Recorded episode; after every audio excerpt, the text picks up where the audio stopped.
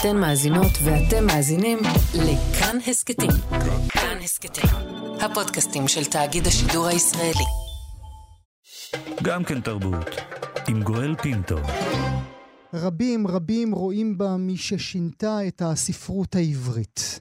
סיפוריה הביאו לחלל הספרותי שלנו מציאות אלימה ופופולרית שלא הכרנו קודם לכן, כתב עליה דוד גורביץ'. היא החלה לפרסם ב-1987, אז הופיע בהוצאת עם עובד קובץ של עשרה סיפורים לא רחוק ממרכז העיר, שגילה לעולם קוראי העברית סופרת חדשה עם קול חדש. בהמשך הופיעו דולי סיטי, שמאז ועד היום מופיע בכל רשימה אפשרית של הספרים הישראלים הטובים ביותר. היה גם אמינה ליזה וטקסטיל, היה גם הרומן המצרי, עליו זכתה בפרס ספיר. עכשיו ספר חדש, ביוטופ. בלב הספר ז'וזף שימל, אביו יהודי, אמו מתנדבת קיבוץ נוצרייה מנורמנדי. כך שעל פי דת היהודים הוא לא יהודי, על פי דת הנוצרים הוא אינו נוצרי. איש אמצע שכזה.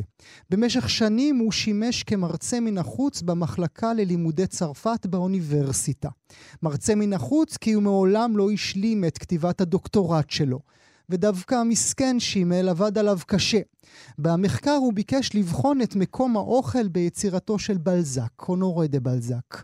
40 מסעדות מופיעות בקומדיה האנושית של בלזק, ושימל רצה לבחון איך בלזק, שחי כל חייו על סרדינים וקפה, הצליח בכל זאת, בלי ירקות ופירות, ליצור יצירות רבות ומשמעותיות כל כך.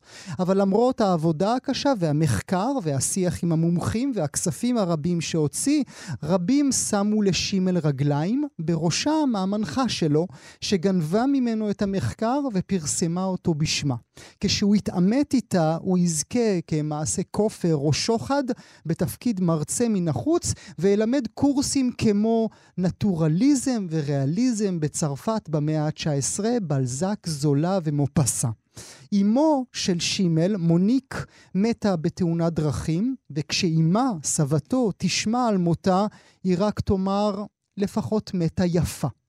בסופו של עניין תביא הסופרת את גיבורה שימל אל נורמנדי, מכורתו של אמו הצרפתייה, גם שם היא תסבך אותו בענייני כספים, אבל ברוב הזמן היא תתבונן דרכו ואנחנו דרכה בתל אביב, העיר שלה שהולכת וגוועת. כי אם חשבתם שמדובר בסופרת שהכי מזוהה עם תל אביב בספרות העברית, עכשיו תמצאו אותה בועטת בעיר, בעיטה של ממש. הכל מגעיל בתל אביב של ביוטופ, מהבניינים, דרך אנשי דובנוב, הפקקים, הקורקינטים ועד ההומלסים והמכורים לסמים.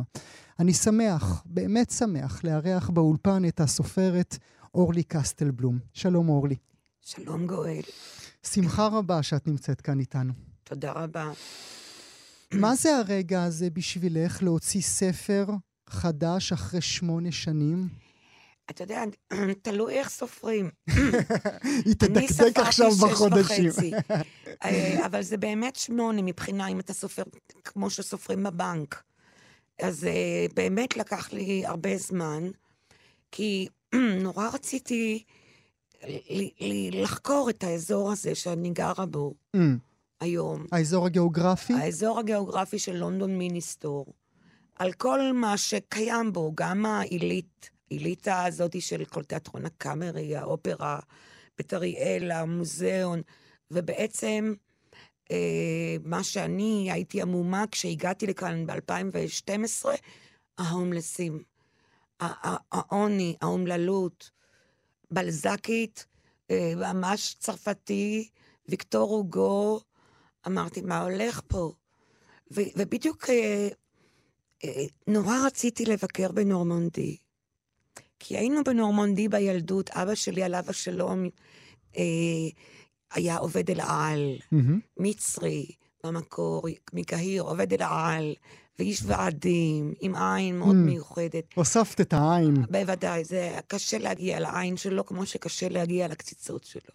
אי אפשר. איזה קציצות? היו לו קציצות ביום שישי ברבע לשתיים, שהוא היה עושה באמת מאוד יפה בשמן עמוק, ואימא שלי הייתה מבריחה לנו מן המטבח פיתות שקיימו יום קודם בכרמל, עם הקציצות לפני שהוא הורס אותם, ושם אותם ברסק עגבניות. אה, כי זאת הטעות של האנשים. למה הרוטב? אסור. אסור. ואז כל השבוע צריך לאכול מהקציצות עם הרוטב עגבניות האלה. וזה לא נכון. צריך להשאיר את זה יומיים וזהו. ועוד קר במקרר, זה בכלל מקבל טעם.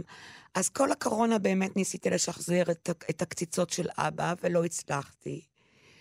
אה, בכלל, כל הסיפור של אבא שלי זה סיפור של החמצה.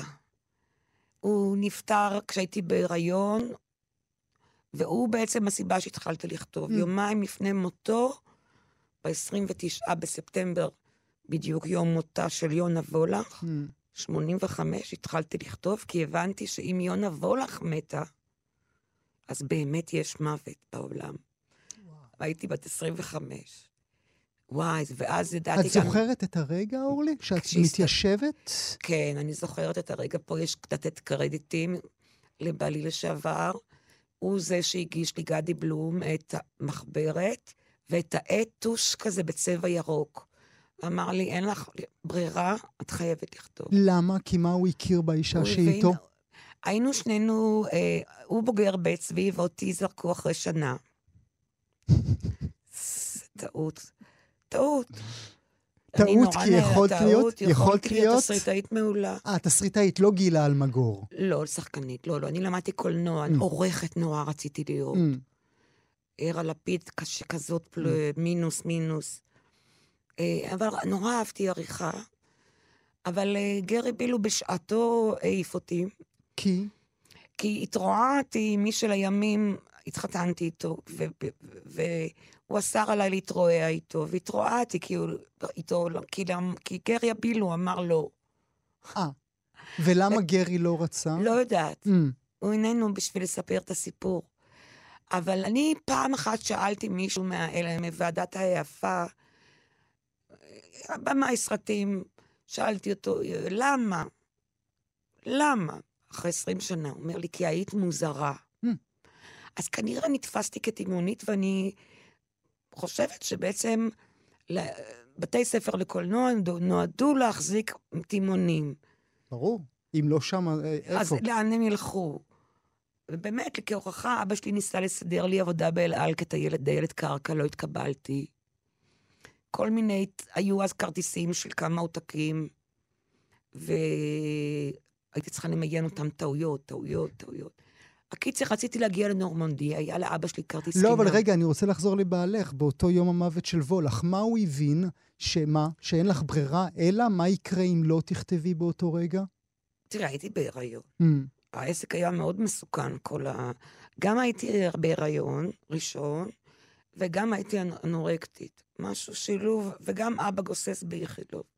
שיומיים אחר כך ימות. שיומיים, 1 באוקטובר 85, הוא ורוק הדסון נפטרו. זה מאיידס וזה מסרטן. ואת יודעת שאבא הולך למות עוד ידענו. רגע? ידענו. אוקיי. אבל לא כמה זה קרוב, אתה יודע, אתה אף פעם לא מתאר לעצמך. וגם ניסינו להסתיר ממנו, ואני לא יודעת, היו דברים מאוד מוזרים באותה תקופה. ואת זוכרת מה כתבת, אורלי? בוודאי. אני זוכרת שקיבלתי את המחברת עם העט הירוק, כי אני באמת בן אדם שצריך להביא לו את המחברת. והתחלתי לכתוב את הסיפור הראשון שלא רחוק ממרכז העיר. הגשם טפטף כמה טיפות שבישרו על תחילת העונה הקרה. אבישי לא התחפש, לא התייחס לטיפות. הוא הלך בשדרה שבה היה הולך עוד כשהיה בן שנה וחשב על דליה. נכנסתי לאיזה קצב. אמרתי, פלגמטי, אבל תמשיכי. פלגמטי, פשוט, איזה שדרה? שדרות נורדו, יש רק אחת. הייתה לי בתודעה. אה, ו, ו, ו, וזוג שהתחתן זה עתה, וגר ב, למרבה הפלא ליד בית כנסת. וזה מפריע להם. מפריע להם, חדר השינה וארון הקודש. קרוב מדי לזמירות. עם כל האתאיזם שלו, וחוסר האכפתיות שלה, היא אחות באיכילוב. בחורה מעשית. והוא לא, הוא תלמיד לפילוסופיה כזה, שלא מחפש את עצמו, כמו שהיינו, היו אומרים אז. שנת 20, 85. אז התחלתי לכתוב, ואני זוכרת שאמרתי לעצמי, עכשיו את כותבת ברצינות. כמו, כמו, אם שאלתי את זה, שבאלף דלת גורדון בשנות ה-70-60, הכריחו אותנו לרוץ 60 מטר, הייתי אומרת לעצמי, עכשיו בכל הכוח, אורלי, והייתי סוגרת על איזה 14 שניות, לא מי יודע מה, אה. אבל זה היה השיא שלי, אז אמרת לעצמך, עכשיו את כותבת. ברצינות. לא מעניין. ברצינות. יושבת כן. וכותבת. זה אומר שאמרת לעצמך, אני עכשיו הופך את עצמי לסופרת? לא, עוד לא. לקח לי הרבה שנים עד שהעזתי להגיד על עצמי שאני סופרת. אה, עכשיו, וזה היה בעקבות incident, פגשתי את המורה לביולוגיה, עמינדב ברנשטיין, עליו השלום, באחת ההרצאות של הנדלזלץ, מיכאל. מיכאל. והוא שואל אותי מה, הייתי תלמידה טובה, היה לי ביוטופ שמונה, אני- זה Mm. הביוטופ שלי עכשיו, כן. אני מקווה שהוא... עבודת חקר באקולוגיה, צריך כן. להגיד. הוא שואל אותי, מה את עושה? אני אומרת לו, אני סופרת. הוא אומר לי, את תופרת. אמרתי לו, לא, אני סופרת. הוא, הוא לא שומע טוב. בסוף אמרתי לו, כן, אני תופרת. וראיתי שהוא נורא התאכזב. באמת, תלמידה טובה בביולוגיה נהייתה תופרת, אבל זה אולי... זה לא... זה היה הבלבול. אה, אבל אז אמרתי, אני סופרת, אני סופרת. ועכשיו אני אומרת את זה, עכשיו אני אומרת את זה בריש גלי. לא רק זה, אשאל אותך, אפרופו, עכשיו אני אומרת את זה בריש גלי. איך את, עם עצמך, עם ההגדרות הפומפוזיות שאני ואחרים מגדירים אותך בהם, כמי ששינתה את הספרות העברית, את אומרת, תפסיקו לבלבל את המוח, או שמשהו בזה נדבק בך? מה, זה מיד נדבק להיבריס. Mm. זה כמו מגנט וסיפוק להיבריס, ואז שקט. גם אני, אגיד לך את האמת, אה, אצלי בבית אין ש... לא היה אף פעם ש... אמא כותבת. אין, לא קיים המושג הזה. בגלל שהשכלתי לכתוב רק בין שמונה ל-12 וחצי. כאילו, עדיין. אמנם כבר שנה אני לא כותבת. בלילה? בבוקר. בבוקר. כשהם הלכו, והיה לך רגע. שקט. ואז הייתי מתחילה עם השניצלים ב-12 וחצי וכל זה. והייתי מרגישה מושלמת. בבוקר כותבת, בצהריים שניצלים ואורז ואפונה. זה כמעט היה תמיד הפלה דו ז'ור שלי. ו... והיום אין פלה דו ז'ור, אבל uh, הרוטינה הזאת נמשכת לי. 12 וחצי, אחת, אני קמה. התמדה. Mm. למדתי, מה... פה בספר הזה למדתי התמדה מהי. למדתי שההתמדה בעצמה יכולה להוליד הצתה. תראה איזה פתגם. מעצם זה שאתה יושב. כמו, כמו ילד טוב. וגם, אתה יודע, היו ימים ושנים שהחיים לא היו, האירו לי פנים. מכל מיני סיבות של החיים. והייתי פשוט נוגעת בקלסר, כי תמיד אני מוציאה, מאז שנמחק לי ב-88 ספר, אז אני מוציאה הכל בהדפסות, בנייר ירוק, ורוד, שיהיה מעניין, ולא להתבלבל בוורסיות.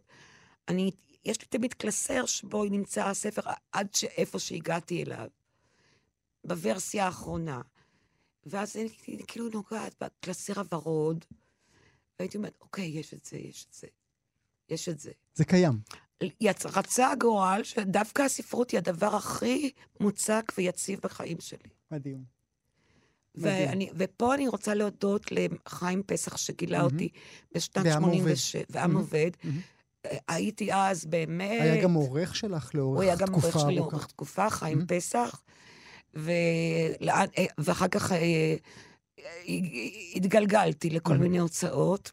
גם הייתי בתקופה בעריכת פביאנה חפץ, שהלכה נכון. לעולמה ב-2011, וזה באמת היה כמו שקראה לזה, בלי, להבדיל. עידה פינק, זה היה סוף עולם כזה בשבילי שפביאנה נפטרה. כאילו העולם בלי פביאנה. היא הייתה בחורה גאון, שיכולתי להתקשר אליה ולהקריא לה פסקה מהספר, אתה מהמם. מבין? בלי לספר את כל העלילה. והיא הייתה תופסת. את זה אין לי. מהמם. אחר כך סמדר שיפמן, שנפטרה לפני שנתיים וקצת, ו...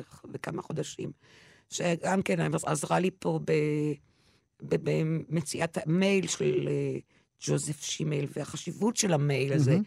באוניברסיטה. מהמם. בכתובת שלו. וגם כתובת לא ה-TAU. חייבת להזכיר את דורית שילה, מהמם. שעזרה לי לנסח את עבודת הדוקטורט. עשינו מזה עבודה, ואת הקורסים שהוא מעביר. מהמם.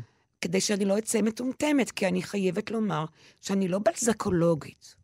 אמנם קראתי בלזק, אבא גוריו, שוב. אה, קראתי הקדמה של אבא גוריו של ההורים, לא יודעת איזה הוצאה קיקיונית כנראה משנות ה-60. היא, משם שאבתי את, הר... את הידע שהוא אכל הרבה סרדינים. אוקיי. וקראתי את הביוגרפיה של אבא גוריו, של אה, בלזק, של אה, שטפן צוויג. מהמם. קראתי הרבה שטפן צוויג בו- כדי, כדי לקבל בוסט, זה מאוד חזק, מאוד עוזר. אתה יודע למי הוא היה מעביר את הכתבים שלו שיעבור עליהם? למי? לפרויד. מה צריך יותר מזה כנראה? אז אני הרשיתי לעצמי להיות מושפעת משטפן צוויג, וגם מהסדרה סמוך על סול. מהמם, איך קשור? סבלנות. הסבלנות טרון טרונטון. לגמרי. קח את הזמן שלך. לגמרי. זה למדתי את הסבלנות הזאת כמו גנן שלא מצליח לו שוב Mm. ושוב ושוב ושוב. וניסוי והיית וטעייה. צריכה סבלנות כאן. בביוטופ? כי כן. אני חוזר לשבע שנים, אם את סולחת לי, כן? בבקשה. ל- לשבע שנים, לשמונה... שש וחצי. שש וחצי. אני עדיין טוען שמונה, אבל שש וחצי. אה, משמונה בבוקר עד 12 וחצי בצהריים. למה דווקא בביוטופ הזה, בשימל הזה, היית צריכה, אולי כי כתבת גבר? אולי כי היית צריכה ללמוד תחומים שאולי את פחות מבינה בהם? רציתי ללמוד על הדי-דיי. אמרתי, איך ייתכן שאת לא יודעת מספיק על הדי-דיי? אז קראתי ספר של איזה 400 עמוד של אנטוני ביבור, Mm. היסטוריון. ואת מספרת לעצמך שאת עובדת תוך כדי. בוודאי שאני עושה תחקיר. כן. בוודאי, אני לומדת.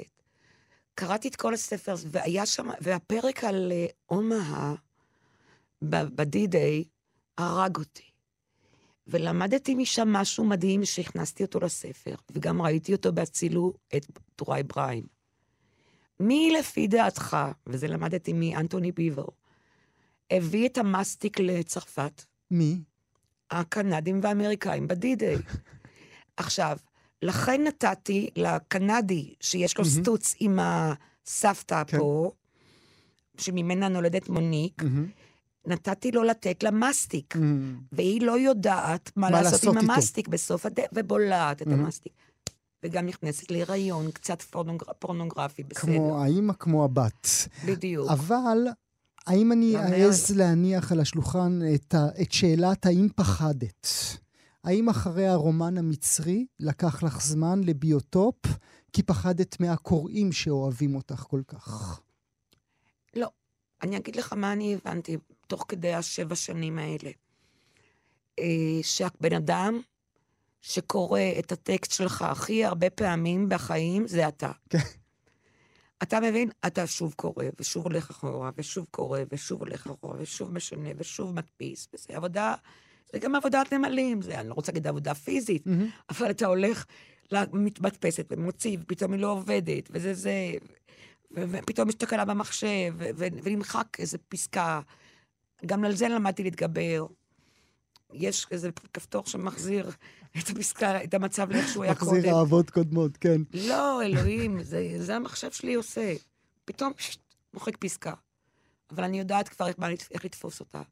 אז הקורא פחות מעניין אותך? אז הקורא, אני מבינה שהקורא זה בעצם אני. Mm. כשאני יוצאת עם ה-40 עמוד האלה שהדפסתי אל הספה, big deal, אבל זה, אני יוצאת מהאזור אה, כתיבה שלי, הולכת באיזה ספה, לא למיטה, כבר למדתי ללכת, לא, לא, לא ללכת למיטה.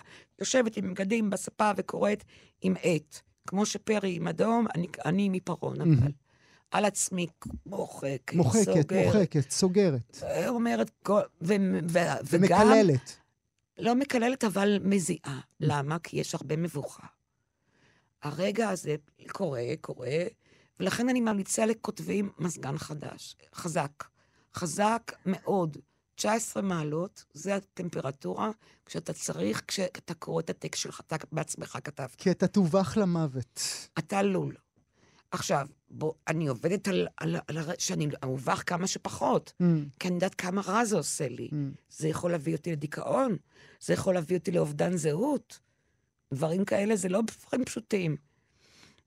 כבר קרה לי שישבתי איזה יומיים, או שבועיים, אני יודעת, או חודש, על איזה פרק, ואז גמרתי לעבוד ב-12 וחצי, ונעמדתי ליד המזגן ככה בשקט, מבסוטית מעצמי, ואז אני שואלת את עצמי, אבל מה הפרק הזה תורם לעלילה? קיפאון, מבוכה, זיעה. חוזרים למחשב. חוזרים למחשב. עכשיו, יש, אני לפעמים מוחקת לגמרי ולפעמים מעבירה לסוף. אמ, עדיין עושה חסד עם עצמך, אולי זה עוד יעבוד. אבל בדרך כלל זה לא קורה. מה מה שנגמר, שעבר נגמר. לסוף נגמר. את זוכרת את הרגע שהילדה אורלי, לא הבוגרת אורלי, שהילדה אורלי הבינה שהיא כותבת אחרת משאר הילדים בכיתה? תראה מה אני זוכרת. אני זוכרת שהיה לכתוב חיבור בבית ספר עממי, יסודי, אצל רבקה שרשבסקי המורה, שהיא גם, דרך אגב, לימדה את יאיר לפיד. כל הכיתה כתבה חיבורים, כולל הילדים הכי מקובלים בכיתה.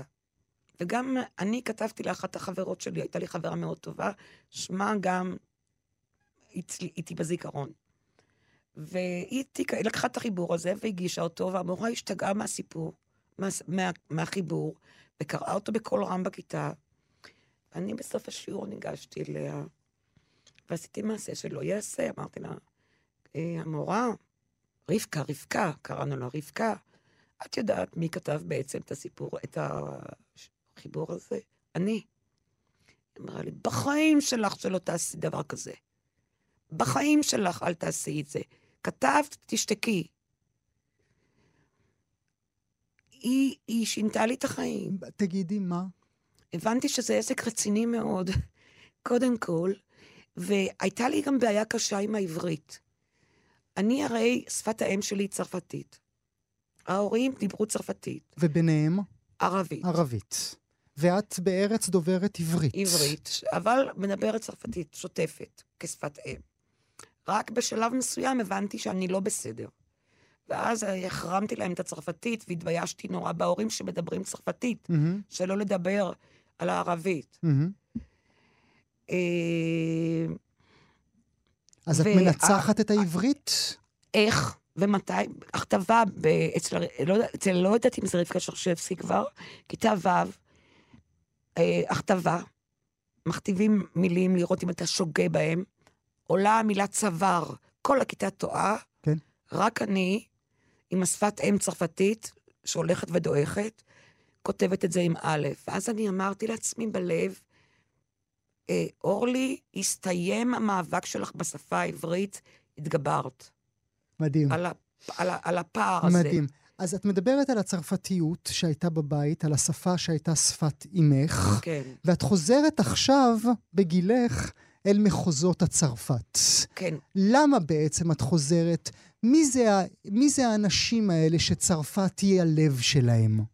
כי זה לא רק שימל, צריך לומר, לא. הוא אחר כך יתחיל לעבוד באיזושהי חברה שמקבלת את פניהם של עולים יהודים צרפתים שמגיעים לישראל, הוא מסדר להם עניינים, הוא פוגש בהם, הוא מנהל להם את החיים. למה הרגשת שאת צריכה היום לחזור אל החבורה הזאת? קרו שני דברים. א', קראתי בעיתון שהחוג לצרפתית בצרות, החוג למדעי, הס- ללימודי צרפת בצרות, ואמרתי, איך זה ייתכן? איך זה ייתכן? ונפגשתי עם נדין, ראש החוג, מהמם, קופרטיצור. והיא הסבירה לי, ואמרתי, זה סוף העולם, זה סוף העולם, שהצרפתית הופכת להיות עוד שפה, ולא עולם שלם. ו- וקראתי על, אה, על נפוליאון השלישי, בגלל שזה היה התקופה של בלזק, והאוסמניה, אוסמניה, האיש הזה עם ה-A, עם הכתיב המסובך, A-U, S-S, כל מיני... הוא ש... ויש לך מושג בעצם למה יש את כל השדרות היפות האלה בצר... בפריז? למה? כדי שאם יש חלילה מרד, אפשר לראות בקו ישר טיל. נהדר. זאת הסיבה האמיתית. נהדר, זה אופייני להם. זה אופייני להם. אז למה את חוזרת אליהם? את מבינה שהחוג איתם- בצרה, החוג בצרה, אני מנסה לערוב, לעזור לחוג. אוקיי? אה, במקביל מפטרים אותי מכור מחצבתי גילמן. אותך ש- באופן אותי אישי. באופן אישי, כן. אותך, אורלי. 2011, מכתב פיטורים, בהצלחה בהמשך הדרך, ואחר כך גם טובה, תודה שהסכמת לא לבוא לשימוע. אוקיי, שזה בדיוק כן, ציטוט אני- מתוך שימל. מה לעשות? עכשיו, אז את סוגרת חשבון עם האוניברסיטה, סוגרת. עם עולם האקדמיה? כן. Hmm. איך מפטרים את אורלי קסטלבלום, שדקה אני אחרי אגיד את לך למה, זוכרת בספר? 2011 כן. יצא חיי חורף. הוא לא נחשב. אני קראתי טוקבקים. הטוקבקים האלה וכמה פליטות פה של כמה אנשים יצרו אצלי את התחושה ואת האקסיומה שאני פוטרתי כי חשבו שגמרתי את הסוס. בגיל 51 אמרו, זו גמרה את הסוס, Mhm. גם קראתי בטוקבקים שאני סוס מת, Hmm. ו... וזה, וזה האישה שכתבה את דולי סיטי ואת חלקים אנושיים ואת כן. טקסטיל בגלל ספר אחד, בגלל חיי חורף. אבל להגיד לך למה. כי שם פניתי לריאליזם. Hmm. ואנחנו לא רוצים את אורלי לא רוצים, בריאליזם. לא רוצים אותה ככה שיגן... אה, אה, תימהונית, כמו שאמרת קודם. אה, פרפ- פרפלו, כמו מהמם. שאומרים בצרפתית.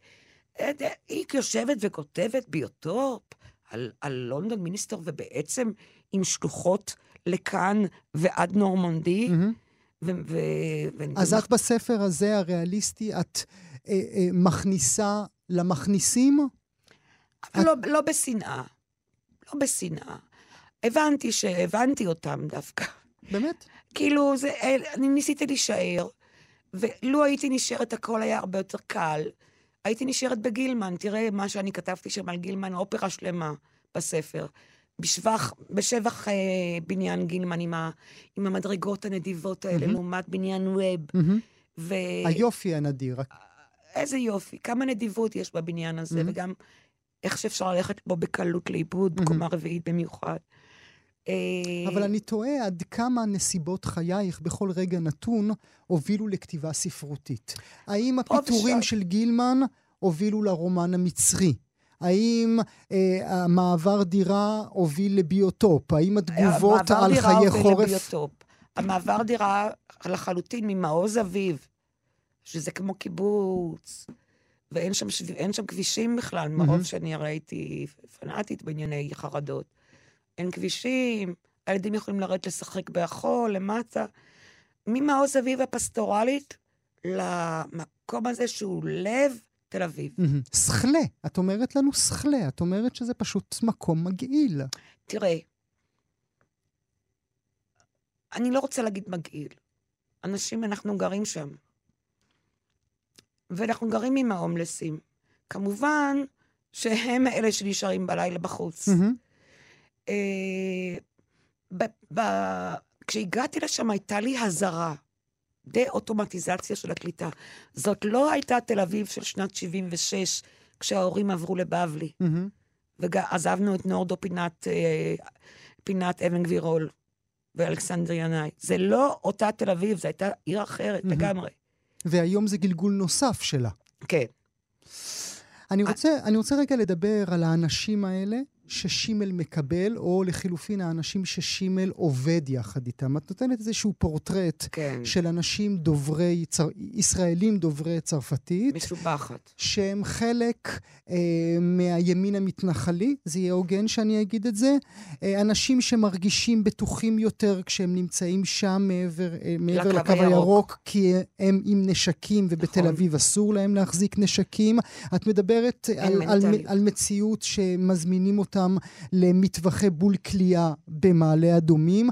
את מדברת על שימל שבצעירותו הלך בתשלום, לא שימל, השני, בצעירותו הלך בתשלום לנשים שהתחפשו עבורו לדתיות לאומיות. זאת אומרת, כן. העולם של הימין המתנחלי חי בביוטופ.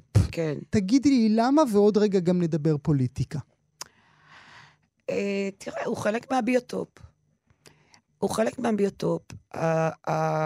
המתנחלים הם, הם, אה, הם כמו הפלסטינים, הם עובדה בשטח. אני... אני מאלה של השתי מדינות. אבל גם אה, אמרו לי שזה לא, שזה נורא רביניסטי ונורא nineties לדבר על שתי מדינות. אז על מה מדברים? על מדינה אחת? אז איזה מדינה זאת? מדינה כזה... אה, עם איך? זה כבר לא מה שחשבנו. ויצא מאמר בניו יורק טיימס, ששלחו אותו אתמול כמה קבוצות, אה, ישראל היא כבר לא ישראל שהכרנו, שכתב תומאס פרידמן. מהמם. וזה נכון, ישראל היא כבר לא ישראל שהכרנו. ואני ניסיתי בספר הזה למפות קצת את ישראל החדשה, שיש בה אנשים בכל הצבעים, מכל הצבעים. לד... לשמוע אדם מדבר סינית זה לא איזה, זה לא איזה, זה לא איזה תימוניות, מהמם. זה קורה ברמזורים. אה, לראות... אבל את גם ביקורתית כשאת מדברת על מטווחי בול כליאה במעלה אדומים? אה, תשמע, אני חושבת שבגדול, אה, כשמאלנית, אני קצת ביקורתית אה, אה, על המטווחים האלה, כן? אה, במי הם טובחים בסופו של דבר. אבל אה, תשמע, כל העניין של הפוליטיקה והאקלים, מה שפרי קורא האקלים הפוליטי בספר, מעלה אדומים, מנחם פרי עורך הספר, כן. כן, מנחם פרי, אה, שהוא עילוי בעיניי. אין מה לתאר מה שהוא עשה מהספר הזה. אני אז הגשתי... האקלים הפוליטי, מה הוא אומר עליו? לא הרבה. אה, יש, ש, יש, איזה, יש שם איזושהי פעולה שאני לא רוצה לעשות ספוילר לספר, אה, אבל יש איזו עקיצה מהמם. שקשורה לאקלים הפוליטי.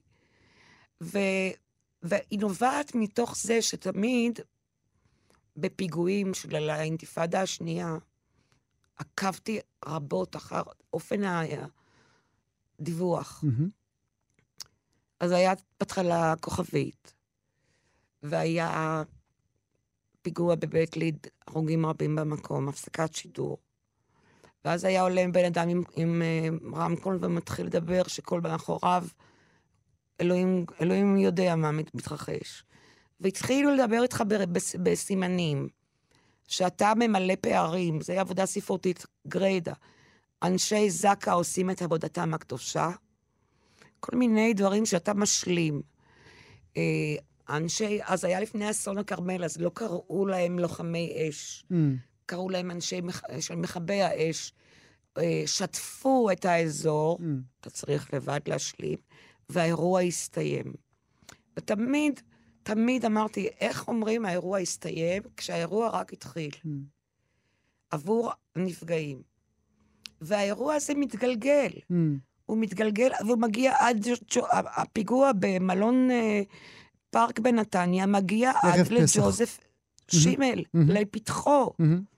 והוא צריך ל- ל- ל- לבוא בתור העם ולטפל באינסידנט הזה מהמם. שיצר הפיגוע, שיצר הסכסוך. מהמם. וכשאת מתעוררת ביום רביעי בבוקר לתוצאות הבחירות, את סוגרת את הטלוויזיה? לא רואה, אני את הפתגם לא ראיתי. אני ידעתי, תיארתי לעצמי שיצא לי הרבה להיות בצפון הרחוק, וראיתי את השלטים, והבנתי שיש פה נטייה קשה ימינה. ש... וש- וההיעלמות של מרץ זה הדבר הכי כואב פה בכל העסק.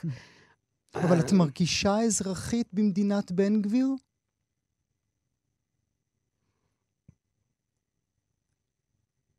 אני עוד לא עיכלתי את זה. זה בהדחקות כרגע, זה בעולם ההדחקות. מה, אתה חושב שאני לא מדחיקנית? אה, גם את עניין בן גביר, אה, אה, אני מדחיקה. אני, אני לא מאמינה. אני חושבת שאולי הוא יתמתן. אולי הם יתמתנו. הרי ביבי לא טיפש. ביבי הוא לא בן אדם טיפש, אני מקווה שהוא לא יוביל אותנו לאבדון. וכשאת שומעת צעירות וצעירים רבים בימים האחרונים של בוא נארוז הכל ונלך, מה את אומרת להם? לצעירים? אה, יואו, זה נורא, זה נורא. אה, אה, זה מאוד כואב, הייתי, אבל אני מבינה. אני למשל יכולתי להוציא אזרחות פורטוגלית, אבל לא הוצאתי, מתוך ציונות. Hmm. מה, אז פורטוגל, מה, מה, מה, הרי היה 500 שנה לא להגיע לשם. כביכול אני עד היום שומרת על הכלל הזה, מה- למרות שעברו יותר מ-500 שנה. אה, אני, מה, עוד פעם להיות מהגרים? מה, עוד פעם לא, לא לשלוט בשפה? עוד פעם, הילדים מתביישים בך? עוד פעם לעבור את כל הגיהנום הזה עם ההורים? למה אוטו כזה ולא אוטו כזה, והשרוכים כאלה ולא נעלי קיקרס. ו... וגעגוע לקציצות? ו... והגעגוע האינסופי לקציצות שלו, אי אפשר ל... אי אפשר להעתיק אותם זה אף פעם. הבית, זה הבית. מה אני אגיד לך? אני אגמור פה את הקריירה שלי. לא אעזוב. את מאושרת על מסלול חייך כשאת מתבוננת אחור? תראה, אה, סך הכל, הרי אה, בנעוריי הייתה לי תוכנית שיעזבו אותי בשקט, וייתנו לי לחיות, לקרוא ספרים, איזה שאני רוצה. היו הספריות, ולשקוע בעולם הזה ולהיעזב לנפשי, אבל זה לא עבד. זה לא עבד. הלכתי ללמוד קולנוע במגמה לא, ל- ב- בתקווה לא ללמוד רפואה. וגם זה לא הצליח לי. וכשאני מסתכלת לאחור, אני אומרת לך, הכתיבה הצילה אותי. היא נתנה לי אחיזה ויתד במציאות, וזהות. זהות, זה נורא חשוב. אתה יודע, אה, לפני שכתבתי את דולי סיטי, כתבתי ספר שנמחק. 250 עמוד, היה כנראה ספר לא טוב. אבל לא הדפסתי בזמנו, זה היה בתקופת הקיוטקסט והאיינשטיין עם המחשב הירוק. ובעלי ואני רצנו בשבעה אה, גיבויים היו לי, ורצנו לכל מיני אנשי אה, מקצוע, ולא הצליחו לשחזר. אני זוכרת את הזעה הקרה שתקפה אותי במטבח, שאמרתי, יואו, אין לי בכלל זהות. כי כאילו, זה לא הצטבר לי Mm. עד היכן אני נמצאת. לא הצטבר, גם הייתי נורא ב- בדיכאון באותם ימים בגלל נושא האבא שהלך לעולמו. והלידה, הדיסוננס הזה, הסתירה הנוראית הזאת. אה, שכחתי מה אמרתי. אמרת הכל. אמרת הכל. כאשר את לא כותבת, אין זהות, אה, ואז- כאשר זה נמחק, זה נהיה זה חוסר נמחק, זהות. ואז רצתי למחשב, אותו מחשב שממנו נמחק Yes. הכל וכתבת בקיוטקסט, שורה ראשונה. שלוש, אה, שלושה עמודים ראשונים של דולי סיטי. עד הבר... אפילו פחות, עד המילה והברית שלהם הייתה ברית, זה עמוד ראשון. והברית, בימים קדומים מאוד, בארץ כנען, היו צדיקים מקריבים אה, חיות גדולות מאלו לאלוהים, והברית שלהם הייתה ברית. לקום, לעשן עוד סיגריה, חזרת להיות סופרת, יש זהות. יש ספר. אני רוצה מאוד מאוד להודות לך שביקרת אותנו. אני, מאזינות ומאזינים, ביוטופ, זה שמו של הספר החדש של אורלי קסטלבלום, שחוזרת אלינו אחרי שש וחצי שנים, לא שמונה. זה יצא בספרייה החדשה. אורלי קסטלבלום, לעונג רב, תודה רבה. תודה לך. גם כן תרבות. ראשון עד רביעי בין תשע לאחת עשרה. רק בכאן תרבות. אתן מאזינות ואתם מאזינים לכאן הסכתים. כאן הסכתים, הפודקאסטים של תאגיד השידור הישראלי.